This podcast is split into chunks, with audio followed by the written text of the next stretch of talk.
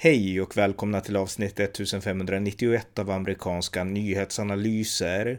En konservativ podcast med mig, Ronny Berggren, som kan stödjas på swishnummer 070-30 28 95 0. Det här är del 3 i min serie om Watergate-skandalen. I tidigare avsnitt berättade jag om Richard Nixons liv, hans tid i Vita huset och hur hans ständiga paranoia ledde honom till att ta det steg som kulminerade i det inbrott som jag i detalj kommer att skildra i detta avsnitt. Varmt välkomna!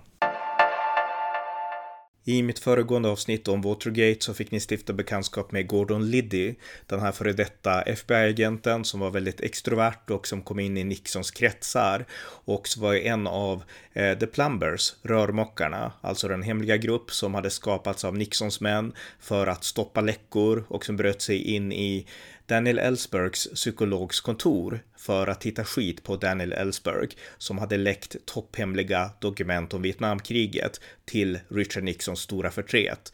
Eh, The Plumbers med Gordon Liddy, de bröt sig in för att hitta saker där och eh, i ett senare skede så var det också Gordon Liddy som föreslog för den här eh, kommittén som Nixons män hade satt upp, Committee to Re-elect the President, CREEP. Han föreslog Gordon Liddy för dem, någonting som han själv kallade för Operation Gemstone med en rad spretiga förslag om att alltifrån att kidnappa vänsteraktivister eh, till att hyra in lyxprostituerade som skulle förföra viktiga demokratiska politiker. Han bollade idéer om att mörda en kritiker till Richard Nixon och eh, en del andra sådana saker. De här sakerna sa Creeps ordförande John Mitchell som var justitieminister men som också satt i hemlighet på den här positionen som ledare för kommittén. Eller han satt på dubbla stolar. Eh, han sa nej till det, men däremot så gav han tummen upp för att eh, göra ett inbrott på Demokraternas huvudkontor i Watergate-komplexet där de hade sina lokaler på den sjätte våningen. Och eh, i maj månad, eh, slutet av maj, så hade Gordon Liddy satt ihop ett team som gjorde ett inbrott i Watergate-komplexet. Jag nämnde det här lite kort i mitt förra avsnitt. De installerade buggningsmaskiner. Och eh, om vi nu hoppar fram ungefär två veckor till eh, mitten av juni 1972. Då är det så här att då har man buggat Demokraterna i ja, några veckors tid. Men när man sitter och lyssnar på det här som man har buggat, då inser man att eh, dels är det dålig kvalitet, man hör inte allt som sägs och eh, det man hör, det är egentligen bara nonsens. Det är prat om mat, det är skvaller, det är prat om de här eh, personernas olika familjer och familjeproblem och det är allt annat än någon guldgruva för viktig politisk information. Därför att det här görs ju i ett syfte. Syftet är att hitta skit på Demokraterna så att Richard Nixon inte ska förlora presidentvalet hösten 1972. Det är syftet. Men i de här inspelningarna så uppdagar man inget viktigt alls politiskt. Man buggar den demokratiska nationalkommittén men man får inte alls veta någonting som man vill veta. Deras stora hemligheter avslöjar de inte utan de pratar bara en massa nonsens där på, på telefonerna. Och eh, Nixon-teamet är djupt besvikna.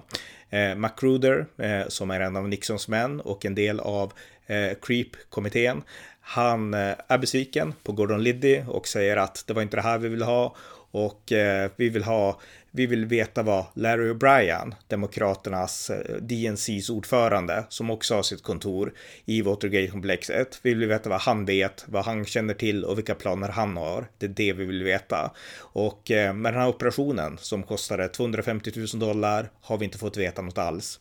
Så Gordon Liddy, han måste agera igen och eh, han sammankallar återigen det team som gick in första gången i Watergate i maj och eh, börjar återigen planera att ta sig in i Watergate igen för att nu gå in på DNCs ordförande, alltså Demokraternas ordförande, Larry O'Briens kontor. Så en ny operation planeras och den verkställs den 17 juni 1972. Den 17 juni så verkställs det andra inbrottet i Watergate-komplexet och Gordon Liddy tillsammans med sin kollega Howard Hunt som jag också nämnde i mitt förra avsnitt. De tar in på ett hotellrum i Watergate och eh, de har walkie-talkies med vilket de ämnar hålla kontakt med inbrottsteamet. Inbrottsteamet leds av en före detta CIA-agent som heter James McCord och han arbetar också eh, som Richard Nixons säkerhetsansvarige för Richard Nixons omvalskampanj så att han har en ganska viktig och synlig roll i Richard Nixons team. Hans andra kollegor i inbrottet, det är latinamerikaner och de är också eh, CIA-agenter, men de har mycket lägre profil och är inte kända på det sätt som James McCord är. Så de förbereder sig eh, att gå in eh, via en, ett garage eh, på källarvåningen och sen ta sig upp på sjätte våningen i Watergate-komplexet där Demokraterna har sina lokaler. De har också en annan person som heter Alfred Baldwin som sitter på andra sidan byggnaden eh, i, ett, eh, i Howard Johnsons hotell och kan, kan då se fönstren i Watergate-komplexet och han har också eh, walkie-talkie-kontakt och eh, Hans syfte är att vara en spotter och eh, se om det händer någonting eh, misstänkt, alltså om det kommer poliser, om det kommer vakter, om det kommer personer och eh, uppmärksamma de här inbrottsmännen på om de håller på att bli avslöjade så att de kan smita i tid. Det är hans uppgift, Alfred Baldwins uppgift. Så ett inbrottsteam som sakta tar sig uppåt genom Watergate-komplexet.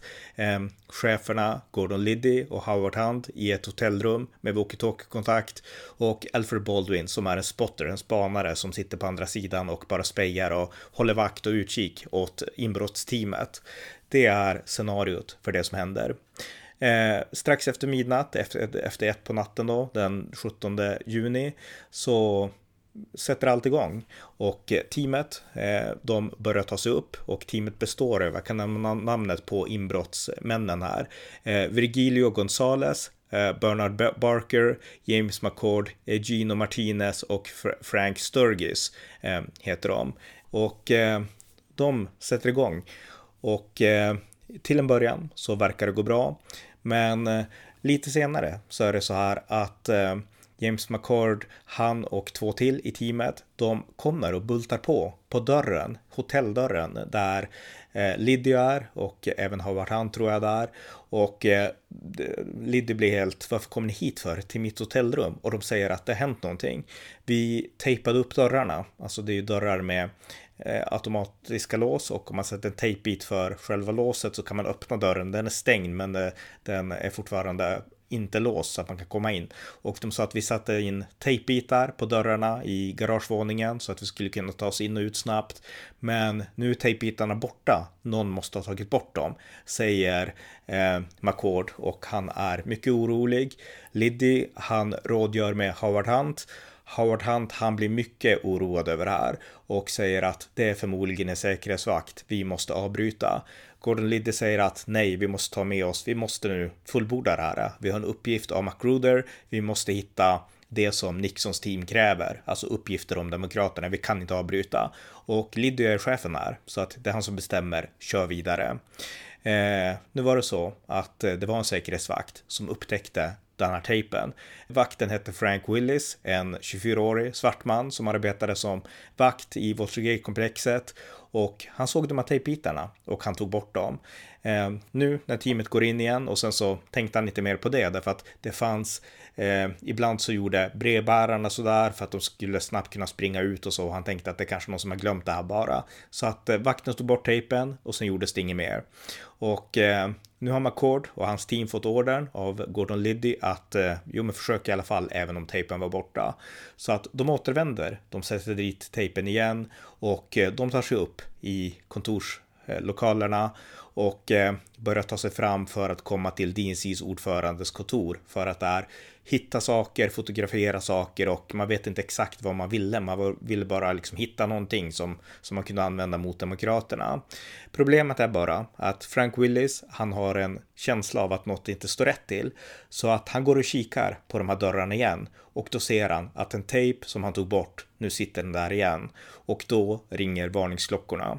Frank Willis, han är bara beväpnad med pepparspray och han vet att om det här är riktigt farliga personer så vill inte jag träffa dem här med min pepparspray. Så han eh, går iväg och ringer polisen. Polisen tar emot samtalet och eh, beslutar att eh, skicka ett team som är i närheten och det är ett team som är undercover med civilpoliser som är ute i en helt annan uppgift för att avslöja knarklangare, men de är civilklädda och eh, de är närmast. Så att istället för att skicka en bil med massa blåljus och så, så skickar man civila poliser som är i närheten och snabbt kan ta sig dit. De kommer dit och eh, de syns där utanför och eh, som jag sa så hade ju eh, det här teamet och inbrottsteamet också en spotter eh, som satt eh, i ett hotell på andra sidan för att eh, kunna upp, liksom, upplysa om det hände någonting utanför och varna inbrottsteamet. Eh, spottern hette alltså Alfred Baldwin. Eh, det var bara det att där han satt inne på sitt hotellrum Howard Johnsons hotell på andra sidan, så var han distraherad för det gick en film på tv. En skräckfilm som hette Attack of the Puppet People från 1958. Jag har sett trailern, den är ganska, den verkar kul så här som det var på den tiden.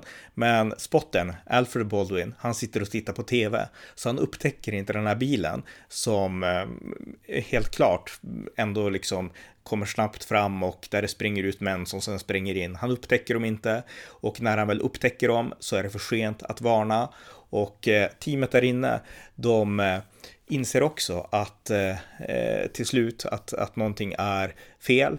Eh, McCord, han håller på att leta saker i ett av kontoren när en av hans eh, inbrottskollegor kommer springande och säger att, eh, att det är någon här vi, vi måste gömma oss. Men, men det är ingen vits att gömma sig för att eh, snart så ser man flick, ficklampor lysa i korridoren och polisen ropar att alla måste komma ut och eh, det här inbrottsteamet inser att det är kört, vi kan inte komma undan här. Så att de ställer sig upp med händerna i vädret, de har ju på sig sådana här eh, handskar, gummihandskar och sådär. De ställer sig upp med händerna, händerna i vädret, vädret, en polis kommer in, lyser på dem och tre civila poliser kommer in med pistoler och de arresteras. Innan de arresteras så hinner en person snabbt skicka ett kort meddelande via walkie-talkien till Liddy inne på hotellrummet att vi åkt fast. Och eh, Sen är det inte mer än så, utan de åker fast där och då, de här fem personerna. Och däribland då eh, James McCord som har en direkt koppling till Nixons eh, säkerhetstjänst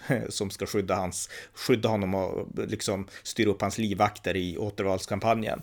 De arresteras av polisen där inne. Eh, på hotellrummet då, då får Liddy och eh, Eh, Howard Hunt såklart, som har styrt upp den här operationen. De får panik. De packar snabbt ihop allt de har på hotellrummet i sina väskor och sen så går de så lugnt och försiktigt de kan därifrån genom eh, salarna, ut genom receptionen och ut genom dörren. Och sen så skyndar de sig till Howard Hunts bil där de kastar in sina väskor och kör snabbt därifrån. På vägen därifrån så ser de poliser i massvis komma mot Watergate-komplexet och de inser att shit, det här har misslyckats. Gordon Liddy som ändå är en väldigt extrovert person som jag beskrev i förra avsnittet och som verkligen till varje pris vill göra rätt och tjäna presidenten. Han är en stor och lojal Nixon-fan, Gordon Liddy. Eh, han inser att min operation har misslyckats. Så det hände där och eh, gänget, inbrottsgänget, de åker helt enkelt fast. Och så gick det med Watergate-inbrottet, det andra Watergate-inbrottet, den 17 juni 1972. Och poliserna hittar ju allt, de hittar walkie-talkies, de hittar liksom allt det här som tydligt visar att det här är skumt, hittar poliserna. Och eh, nu ska jag berätta om vad som hände sen. Inbrottet i Watergate det ägde rum på natten och klockan var omkring 02.30 när inbrottsmännen arresterades av polisen. Klockan nio på morgonen, då ringde det på telefonen hemma hos en journalist som arbetade för Washington Post. Det var en 29-årig journalist som hade arbetat på tidningen i ungefär nio månader och han hette Bob Woodward. Eh, telefonen ringde, det var hans redaktör från Washington Post som berättade att det har hänt någonting nu natt. Det har varit ett inbrott på Demokraternas kontor i Watergate-komplexet. Kan inte du komma in nu på morgonen så får du ta hand om det här. Så Bob Woodward, han åkte in till tidningsredaktionen han blev uppdaterad om det senaste och han fick veta att de här männen som hade anhållits av polisen, de skulle ställas inför en domare senare på eftermiddagen. Bob Woodward, han åkte till rättegångssalen, han satt sig ner där på en bänk och eh, väntade och eh, betraktade när de här eh, fem männen eh, fördes fram inför domaren. Och eh, domaren frågade vad jobbar ni med? Och eh, männen sa eh, e-, en efter en att vi är, vi är antikommunister, sa männen. Och eh, det är ett ganska besynnerligt svar. Vi är antikommunister på frågan vad jobbar ni med? Så det fick Woodward att eh, lyssna lite extra. Han, han var van vid ganska tråkiga sådana här förhandlingar, men det här lät intressant. Men då var det en av männen som sa något annat ganska tyst. Det var James McCord. Och han sa att jag, jag jobbar åt, jag har jobbat åt regeringen, sa han. Eh, vad då för något mer specifikt? Och James McCord, som alltså var teknikern, den som arbetar också som Richard Nixons eh, eh chef för säkerhetsbevakningen, han, han sa då att jag, jag, jag har jobbat åt CIA, viskade han nästan fram. Och eh, när Bob Woodward hörde det från bänken där han satt då, då verkligen blev han intresserad. CIA, vad är det här för någonting? För han förstod att det här var ju inte vilka som helst. Eh, vill man bara ha pengar om man bara är en bankrånare eller liknande, då bryter man sig inte in på ett politiskt kontor, utan då är det något annat man vill. Och här har vi en person som står inför en domare och säger att han har arbetat för CIA. Vad är det här? tänkte Bob Woodward. Och det här blir början på en fortsatt granskning av Watergate-inbrottstjuvarna som Washington Post, Bob Woodward och hans kollega Carl Bernstein skulle ta sig an med stor hängivenhet. Och det ska jag berätta lite mer om nu. Dagen efter så skrev Washington Post om inbrottet i Watergate och det var stort fokus på James McCord, eh, mannen som hade sagt att han hade arbetat för CIA och som hade varit eller var anställd av Committee to Re-elect the President. Det här gick inte att hemlighålla och eh, John Mitchell, som då var ledare för Committee to Re-elect the President, den tidigare justitieministern åt Nixon, han gick ut och han sa det offentligt att eh, James, James McCord, en av inbrottstjuvarna alltså, hade arbetat åt ett privat säkerhetsföretag som hade lejts in av Committee to Re-elect the President för att installera ett säkerhetssystem. Det var kopplingen som fanns till CRP eller CREEP. Och eh, James McCord, han hade många kontakter och kunder och Committee to Re-elect the President hade ingen kännedom om de sakerna. Och eh, i Nixon-kampanjen så John Mitchell så fanns det inga, inget utrymme alls för något liknande som det som nu tycks ha skett i Watergate. Så sa John Mitchell, eh, CRPs, Creeps ordförande. Så det var den offentliga synen, linjen från eh, Nixons män på det som hade hänt i Watergate. Woodward, han började från Washington Post med att undersöka James McCord och gräva i vilken roll den här egentligen hade inom Nixons kretsar. Var det verkligen så enkelt som John Mitchell hade sagt? Men snart så fick han nya uppgifter från polisen som tog eh, över, över intresset och som var ännu mer intressanta. För polisen meddelade nämligen till Bob Woodward och Carl Bernstein att de hade hittat ett anteckningsblock från en av, några av inbrottstjuvarna där namnet Howard Hunt fanns skrivet. Och i det här blocket så stod det Howard Hunt, ett telefonnummer och så stod det W House, alltså en förkortning för The White House, Vita huset. Och det här gjorde Woodward mycket nyfiken. Han ringde till Vita husets växel och eh, han fick då svara att eh, ja, det finns en Howard Hunt här och han kan befinna sig på Charles Coulsons kontor. Bob Woodward, han ringde igen och han ringde till Coulsons kontor och fick veta att Hunt, han är inte där nu, men testa att ringa det PR-företag där Hunt också arbetar som skribent och Hunt var författare ska säga, så han skrev detektivromaner. Så eh, Woodward ringde till det här PR-företaget och Howard Hunt svarar. Howard Hunt var alltså den person som tillsammans med Gordon Liddy hade planerat och styrt upp hela Watergate. Han svarar när Woodward ringer och Woodward ställer honom mot väggen och frågar hur kommer det sig att du har Howard Hunt, att ditt namn och telefonnummer finns i adressboken hos två av männen som arresterades vid Watergate. Good God, svarar Hunt och eh, sa något annat lite kort och så han snabbt på och eh, sen försvann Howard Hunt för en tid. Eh, Woodward, han blev såklart ännu mer nyfiken och han fortsatte att luska ut och gräva och eh, kom fram till att Howard Hunt hade arbetat i 20 år för CIA innan han fick jobb av Nixons rådgivare Charles Colson och eh, Howard Hunt hade också grävt i Pentagonpappren, kom Woodward fram till. Och eh, gällande Colson som arbetare, som var en av Nixons nära rådgivare, så hade Colson beskrivits bland annat av Washington Post som en person som verkligen gjorde presidentens smutsjobb. Och eh, det skapade ju en intressant koppling då mellan en sån person och Howard Hunt vars uppgifter hade funnits hos en av inbrottstjuvarna i Watergate. Och eh, av en slump så hade då Bob Woodwards kollega på Washington Post, Carl Bernstein, dejtat en kvinna längre tillbaks i tiden som hade arbetat åt en av Charles Colsons assistenter. Och Woodward och Bernstein, de tog kontakt med den här kvinnan som de träffade och hon berättade det hon minns då från den här tiden. Hon berättade att Charles Colson eh, i, i presidentstaben, han var väldigt beskyddande mot president Nixon och väldigt hemlighetsfull. Men hon träffade också Howard Hunt ofta och han var alltid trevlig och vänlig och eh, hon visste inte så mycket för alla var hemlighetsfulla, men han var trevlig och lite öppnare. Och hon visste att han gjorde research om Ted Kennedy, demokraten John F Kennedy och Robert Kennedys lillebror, som eh, misstänktes kanske skulle kandidera 1972. Och Nixon ville ju verkligen inte förlora mot en Kennedy igen. Han hade förlorat valet 1960 mot John F Kennedy och han ville inte förlora mot en Ted Kennedy i ett nytt val, kanske 1972. Så Howard Hunt gjorde research på Ted Kennedy, minns den här kvinnan. Och eh, hon berättade det för, för Woodward och Bernstein.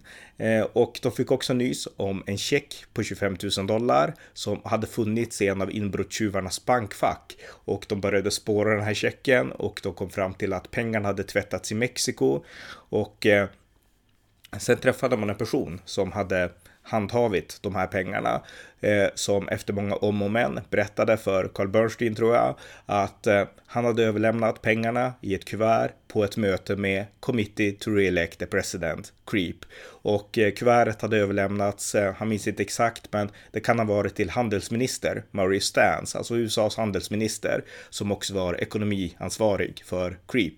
Eh, han hade fått pengarna. Och det här var ju otroligt stora nyheter.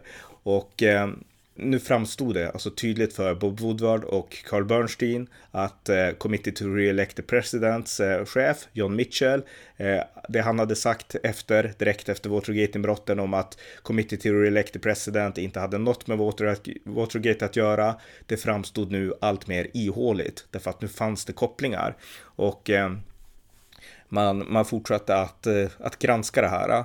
Och i den här processen i att granska saker så hade Woodward också en egen källa på sidan om. Det var en hemlig informant i en hög position med insikter i både regeringen och i Committee to Re-elect the President som Woodward vid ett tillfälle ringde. Och eh, den här personen, källan, avrådde honom från att ringa, men de beslöts att börja träffas på hemliga platser, oftast i garage och på natten, för att de inte skulle bli upptäckta. Och eh, de satte också upp ett system om de ville kontakta varandra. Telefon var uteslutet. Men om Woodward ville kontakta källan, då skulle Woodward dra upp gardinerna och ställa en kruka med en flagga på ett visst sätt på sin balkong. Källan skulle se det och sen skulle man ordna ett möte. Om källan ville träffa Bob Woodward, då skulle Woodward på morgnarna kunna se i sin morgontidning en markering på en viss sida i tidningen som han fick varje morgon på posten.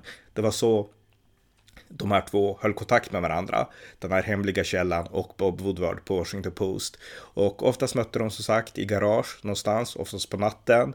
Woodward tog en taxi till en plats, tog sedan en annan taxi tills han kom till garaget i fråga för att ingen skulle kunna spåra honom. Så gick han ner, det var oftast mörkt och eh, ofta så väntade källan och stod och rökte någonstans vid någon pelare och eh, de pratade i tysthet, lågmält och källan gav aldrig, eller sällan, direkt information till Woodward, men han gav det som kallades djup bakgrundsinformation. Alltså om Woodward undersökte en person så kunde källan berätta om den personen utifrån sin egen kunskap och de sakerna kunde Woodward själv sen inse att det här bekräftar ju det jag själv undersöker eller det här visar att jag är på fel spår. Så att så fungerade deras eh, kontakt. Och eh, källan hade tydligt visat för Woodward att Howard Hunt var en central del av Watergate, så det förstod nu Bob Woodward. Och eh, källan manade Woodward att gräva ännu djupare och försöka se helhetsperspektivet. För källan förklarade att det här är ditt jobb, men jag kommer att vara med och guida på vägen. Men jag kommer inte att skriva artiklar eller ge liksom öppna uppgifter.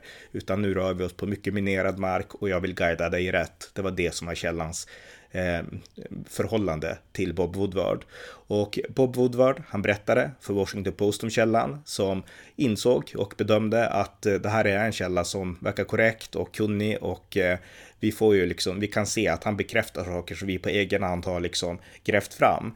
Ehm, så att man insåg att det här är en bra källa som man kan använda för bakgrundsinformation och för att eh, bolla saker så att man kan se och avgöra att man själv har fått rätt innan man publicerar någonting.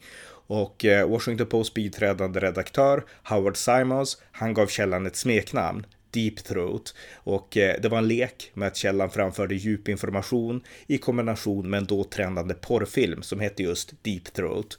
Och eh, Woodward, han skulle vid den tidpunkten inte avslöja namnet eller identiteten för den här källan. Det var av yttersta vikt.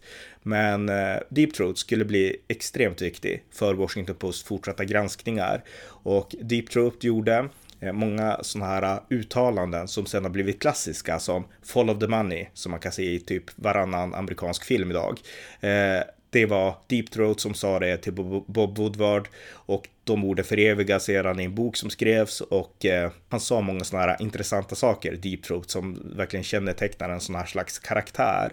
Och den information som Deep Throat, Deep Throat gav, den var så pass omfattande och viktig att Woodward kunde verkligen vara tydlig med detaljer i sina texter och såväl Vita huset som FBI blev antingen nyfikna eller bekymrade över hur Washington Post kunde veta så mycket som de faktiskt visste. Och eh, Deep Throat, han varnade, varnade vid ett tillfälle Bob Woodward för att han måste vara försiktig. Nu, han var ute på minerad mark och det var inte helt ofarligt. Och eh, Woodward och Bernstein, de var också ibland överilade när, när de ville skriva. De, de hade ju ändå ett syfte, de ville sätta dit presidentens män. För det här var två unga journalister som insåg att vi är något på spåren och eh, de, ja, de, de, gjorde allt för att gräva och liksom klättra högre. Men ibland så agerade de överilat och skrev saker för snabbt och oaktat och ibland så hade de inte lyssnat på Deep Throat. Och eh, det gjorde att ibland så satte de käppar i hjulen för sin egen utredning också när de skrev. Men Deep Throat i alla fall, han skulle vara väldigt viktig och han skulle såklart sen inspirera mängder av populärkultur med informanter som möter journalister eller andra i skuggorna och i hemliga miljöer. Och långt senare, då skulle Deep Throats identitet också offentliggöras och det visade sig vara den biträdande eh, FBI-chefen Mark Feltz. Han hade såklart insikt i hur FBI utredde Watergate. Han hade också insikt i Vita huset och han var källan till Bob Woodward, Mark Feltz. Och det här skulle avslöjas så sent som 2005 och eh, han skulle avlida lite senare och han var då 95 år gammal tror jag och hade Alzheimers. Men eh, det, och det avslöjades av hans eh, advokater ska jag säga som då berättade att vi, det här är källan och Woodward han han bekräftade bekräftar också att ja, Mark Feltz var Deep Throat. Och eh, det ska sägas att även Nixons Vita hus hade sina misstankar. Redan på 70-talet eh, så berättade Bob Halderman, som var Nixons närmaste man och stabschef, att man misstänkte att Deep Throat var Mark Feltz. Men man visste inte, men det var misstänker man hade redan då. Därför att de såg själva vilken insikt som Washington Post hade i Vita huset och de insåg att de här journalisterna känner inte oss, de vet ingenting egentligen. De måste ha en källa någonstans som har koll på stora saker och eh, de pinpointade Mark Feltz fast inofficiellt så, så misstänkte man i alla fall redan då att det var han och det är rätt intressant. Men det offentliga avslöjandet, det kom 2005. Eh, 1974, då skrev Bob Woodward och Carl Bernstein en bok om det här grävandet om Watergate. Boken heter All the President's Men och Woodward och Bernstein fick också Pulitzerpriset för sin rapportering om Watergate och boken filmatiserades 1976 med Robert Redford och Dustin Hoffman i huvudrollerna som de två journalisterna. Och här är trailern då till All the President's Men, filmatiseringen.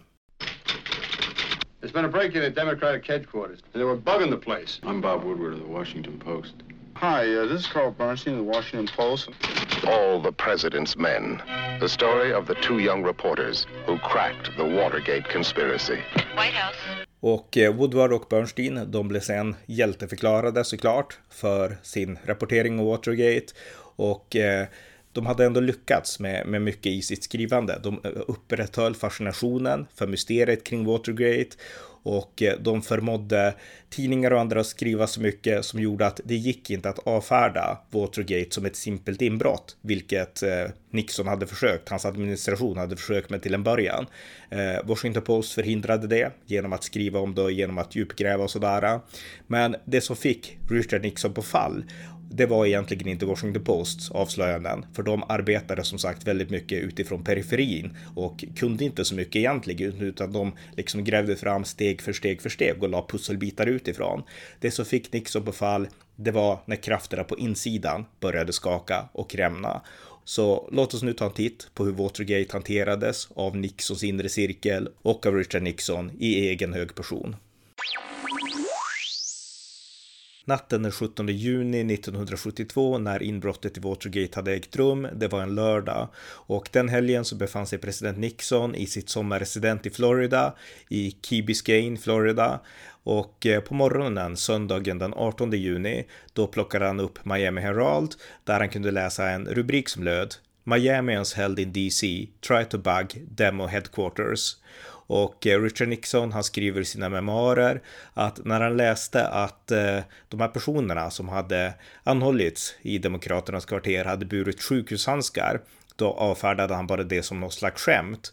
Och informationen där i början, den var ganska knapphändig och eh, Nixon fortsatte att njuta av ledigheten.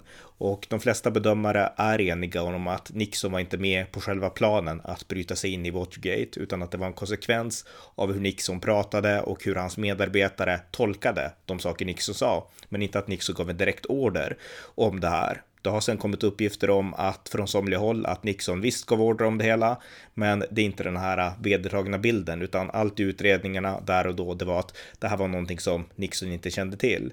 Och eh, utifrån det så är den här reaktionen ganska förståelig. Han trodde först att det var ett skämt och han fortsatte att njuta av sin ledighet där i Florida. Men väldigt snart så skulle ny information komma som tydligt visade att det fanns en koppling till Vita huset, Howard Hunt, och eh, att det inte var något skämt. Och Charles Colson var den som berättade det här för Richard Nixon. Och eh, enligt Charles Colson så blev Nixon rasande. Han tog en askkopp och kastade den över hela golvet. Och han undrade hur någon med en, en avlägsen koppling till Vita huset kunde göra något så vansinnigt som det som hade gjorts i Watergate. Men nu stod det klart och tydligt att Vita huset behövde hantera det här. Det var inget som kunde ignoreras. Dagen därpå, på måndagen, då sa Vita husets pressekreterare Ron Siegler eh, till media I'm not going to comment on a third rate burglary attempt. Alltså jag kommer inte att eh, kommentera en tredje gradens inbrott och det var det inte, det var, fanns inte mer att säga om den saken. Det här var ett inbrott och inget annat och det borde behandlas som ett inbrott, inte som någonting storpolitiskt. Eh, dagen därpå, den är 20 juni, alltså bara tre dagar efter Watergate-brottet. Då ringde John Mitchell, som alltså var tidigare justitieminister och ordförande för Committee to Re-elect the President, CREEP. Eh, han hade varit i Kalifornien när inbrottet pågick och han ringde nu upp Richard Nixon och bad om ursäkt. Och han bad om ursäkt för att han, som ändå ledde The Committee to Re-elect the President, inte hade haft bättre kontroll över vilka som kommittén hade anställt. Och helt uppenbart så fanns det misstag där eh, med McCord och med Howard Hunt. Och eh, samma dag så samtalar president Nixon med sin rådgivare Charles Colson som ju var den som hade anställt Howard Hunt. Och de samtalar om en story från Washington Post. Och Nixon säger att jag har läst storyn och Eh, Eh, What the hell does it prove? De hade ett telefonnummer i, som, som i sin bok som, som gick till dig. Vad bevisar det ungefär? Och Colson säger att det var Howard Hunts nummer de hade, inte mitt. Men läser man storyn så ser det ut som de har framställt det och tvistat det som om att det skulle vara mitt nummer. Men läser man noggrant så ser man att numret går till Howard Hunt. Eh, så att de samtalar lite om det här och eh, Nixon inser att det här bör bli allvarligare och allvarligare i en tid när han vill fokusera på presidentvalskampanjen i november, inte Watergate. Så Nixon inser att jag måste nog börja städa upp det här och eh, den 21 juni, då kommer Nixons stabschef H.R. Holdeman in i ovala rummet Vita huset och Holdeman förklarar att eh, visst, Washington Post skriver saker, men det vi bör vara rädda för, det är inte en tidning, utan det är FBI. FBI gör en storskalig utredning nu av Watergate och eh, de har börjat dra kopplingar till Vita huset, berättar Holdeman för Nixon. Och situationen är mycket allvarlig. Och han ger ett förslag Haldeman säger att han och Nixons andra rådgivare, Ehrlichman, anser att eh, FBI, de är farligast och eh, man måste på något sätt klippa av det här nu. Och metoden, det bör vara att lägga allt ansvar på Gordon Liddy, den här mannen då som planerade i detalj Operation Gemstone och eh, ledde eh, inbrottet i Watergate-komplexet. Man bör lägga all skuld på honom. Och eh, Haldeman, stabschefen, han säger till Nixon att Gordon Liddy är den perfekta syndabocken. Därför att eh, det är ett faktum att Gordon Liddy är den mest konkret ansvariga för det som har hänt. Och eh, man kan säga att allt han gjorde gjorde han på egen hand och ingen annan inblandad utan han gick rogue och gjorde något som ingen är inkopplad till. Inte ens de här namnen som kanske fanns i telefonböcker och liknande hos de anhållna inbrottstjuvarna. Därtill så är Liddy en fanatisk Nixon-anhängare, betonade H.R. Holderman till Nixon. Och eh, Liddy, han kommer gå med på att bli en syndabock därför att att bli en martyr för Nixons sak, det vore i princip en dröm för en sån som Liddy, konstaterar H.R. Holderman. Nixon, han lyssnar och han tycker att idén verkar ändå en bra idé och eh, han ger tummen upp för den här idén att lägga all skuld på Gordon Liddy. Och i den stunden så går Nixon med på att påbörja en riktig cover-up av Watergate.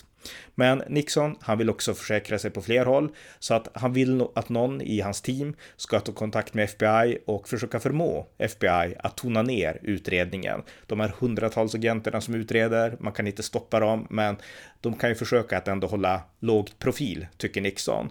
Holderman säger att han kan ordna en kontakt och skicka någon till FBI. Och eh, Holderman skickar Nixons advokat John Dean till FBI. John Dean är en ung, ganska talangfull advokat som arbetar för Nixon ett tag och som också har varit en del av att eh, se till att Watergate-operationen fungerade. Så John Dean, han går till FBI där han träffar den tillförordnade direktören Patrick Gray. Eh, Patrick Gray hade tagit över temporärt därför att FBIs tidigare chef, den legendariske J. Edgar Hoover, han hade avlidit den 2 maj 1972. Så Patrick Gray var en tillförordnad direktör för FBI och eh, John Dean, han ber FBI-chef då Patrick Gray att eh, ta kontroll över Watergate-utredningen så att den inte distraherar saker i Vita huset. Och eh, FBI kan väl låta bli att släppa allt för mycket offentligt. Man vill inte lägga sig i utredningen såklart, det är FBI's sak, men kan de inte hålla lite låg profil i alla fall och inte liksom försöka gå för långt med det här. Och Gray, han blir väldigt ställd där han sitter där i sin stol och tänker att eh, han är ganska ny, han har bara, bara varit på ämbetet en månad ungefär. Men han säger ändå att eh, vi vill samarbeta med presidenten såklart, men vi kan inte göra något som är illegalt och vi, jag kan inte förhindra det arbete som FBI existerar för att utföra, säger han. John Dean, eh, Nixons advokat, han lämnar kontoret och återvänder till Vita huset. Sen går det några dagar till och den 23 juni så kommer stabschef H.R. Holdeman återigen in i ovala rummet till Richard Nixon för att berätta att FBI inte alls går i Vita husets ledband utan FBI fortsätter att utreda med full kraft och nu har FBI hittat en direkt koppling mellan pengarna till inbrottsmännen och Committee to Re-elect the President. Det här innebär att planen om att lägga all skuld på Liddy, den kommer inte längre att fungera. För nu vet FBI att det här har inte bara med Liddy att göra, utan att pengar kommer från Committee to Re-elect the President. Och det här är mycket allvarligare än det som Washington Post försöker gräva upp. Och nu behövs en ny plan för att stoppa FBI. Och eh, Nixon, han blir såklart väldigt upprörd och orolig, men Haldeman föreslår en plan B en plan B som John Mitchell, den tidigare justitieministern, har kommit på, nämligen att Vita huset bör nu kontakta CIA och be CIA-chef Richard Helms att kontakta eh, tillförordnade FBI-chef Patrick Gray och säga att det som hände vid Watergate, det har att göra med en hemlig CIA-operation. Trots allt så var det ju tidigare CIA-anställda som var delaktiga i det här inbrottet och att eh, eftersom det är en CIA-operation så bör FBI inte utreda det här utan de kan släppa det helt och hållet och låta CIA hantera saken. Så det bör vara plan B. Richard Nixon, han nickar, han går med på det här och eh, det här ska uppmärksammas mycket mer i ett senare skede. Men eh, han går med på det här, det är det viktiga just nu. Och eh, CIA kanske kan hjälpa dem att stoppa FBI-utredningen. Om det går så vore ju det toppen. Och eh, CIA-chef Richard Helms, han kallas till Vita huset och han får träffa stabschef H.R. Holdeman. Men eh, Richard Helms lovar bara att eh, okej, okay, jag har hört vad ni säger och eh, jag kan meddela den här nya FBI-chefen att vi har en tradition inom våra eh, institutioner, inom FBI och inom CIA, CIA att eh, låta varandra få kännedom i de fall som eventuella överredningar överlöper varandra. Då brukar vi kunna berätta för det om varandra. Men mer än så kan jag inte göra. Så Richard Helms, han gick inte med på att hitta på någon hemlig CIA-operation bara för att skydda Vita huset. Eh, så att eh, Richard Helms, han gör ingenting för att konkret stoppa FBI's utredningsarbete. Och nu hade Vita huset egentligen spelat ut sina kort och nu hade man bara att hoppas på att de anhållna, de här personerna som deltog i Watergate-brottet, skulle hålla tysta. Och för att försäkra sig om det så betalade Vita huset nu ut mutor till de här personerna för att de skulle vara tysta och inte göra avslöjanden uppåt. Och parallellt med allt det här så fortsatte såklart valkampanjen inför presidentvalet 1972. Nu var det sommar, valkampanjen var i full gång, men skuggan av Watergate skulle växa sig allt större. Och det här kommer jag att prata om mer i nästa avsnitt. Jag hoppas att ni tycker att den här serien är spännande och intressant. Tack för att ni lyssnar på amerikanska nyhetsanalyser där jag vill mana er som vill och har möjlighet att skänka en gåva till valfri Ukraina-hjälp. Att stödja Ukraina är att stödja det Europa som vi själva är en del av. Vill ni visa uppskattning för den här podden kan det göras på swishnummer 070-30 28 95 0. Vi hörs snart igen. Allt gott tills dess.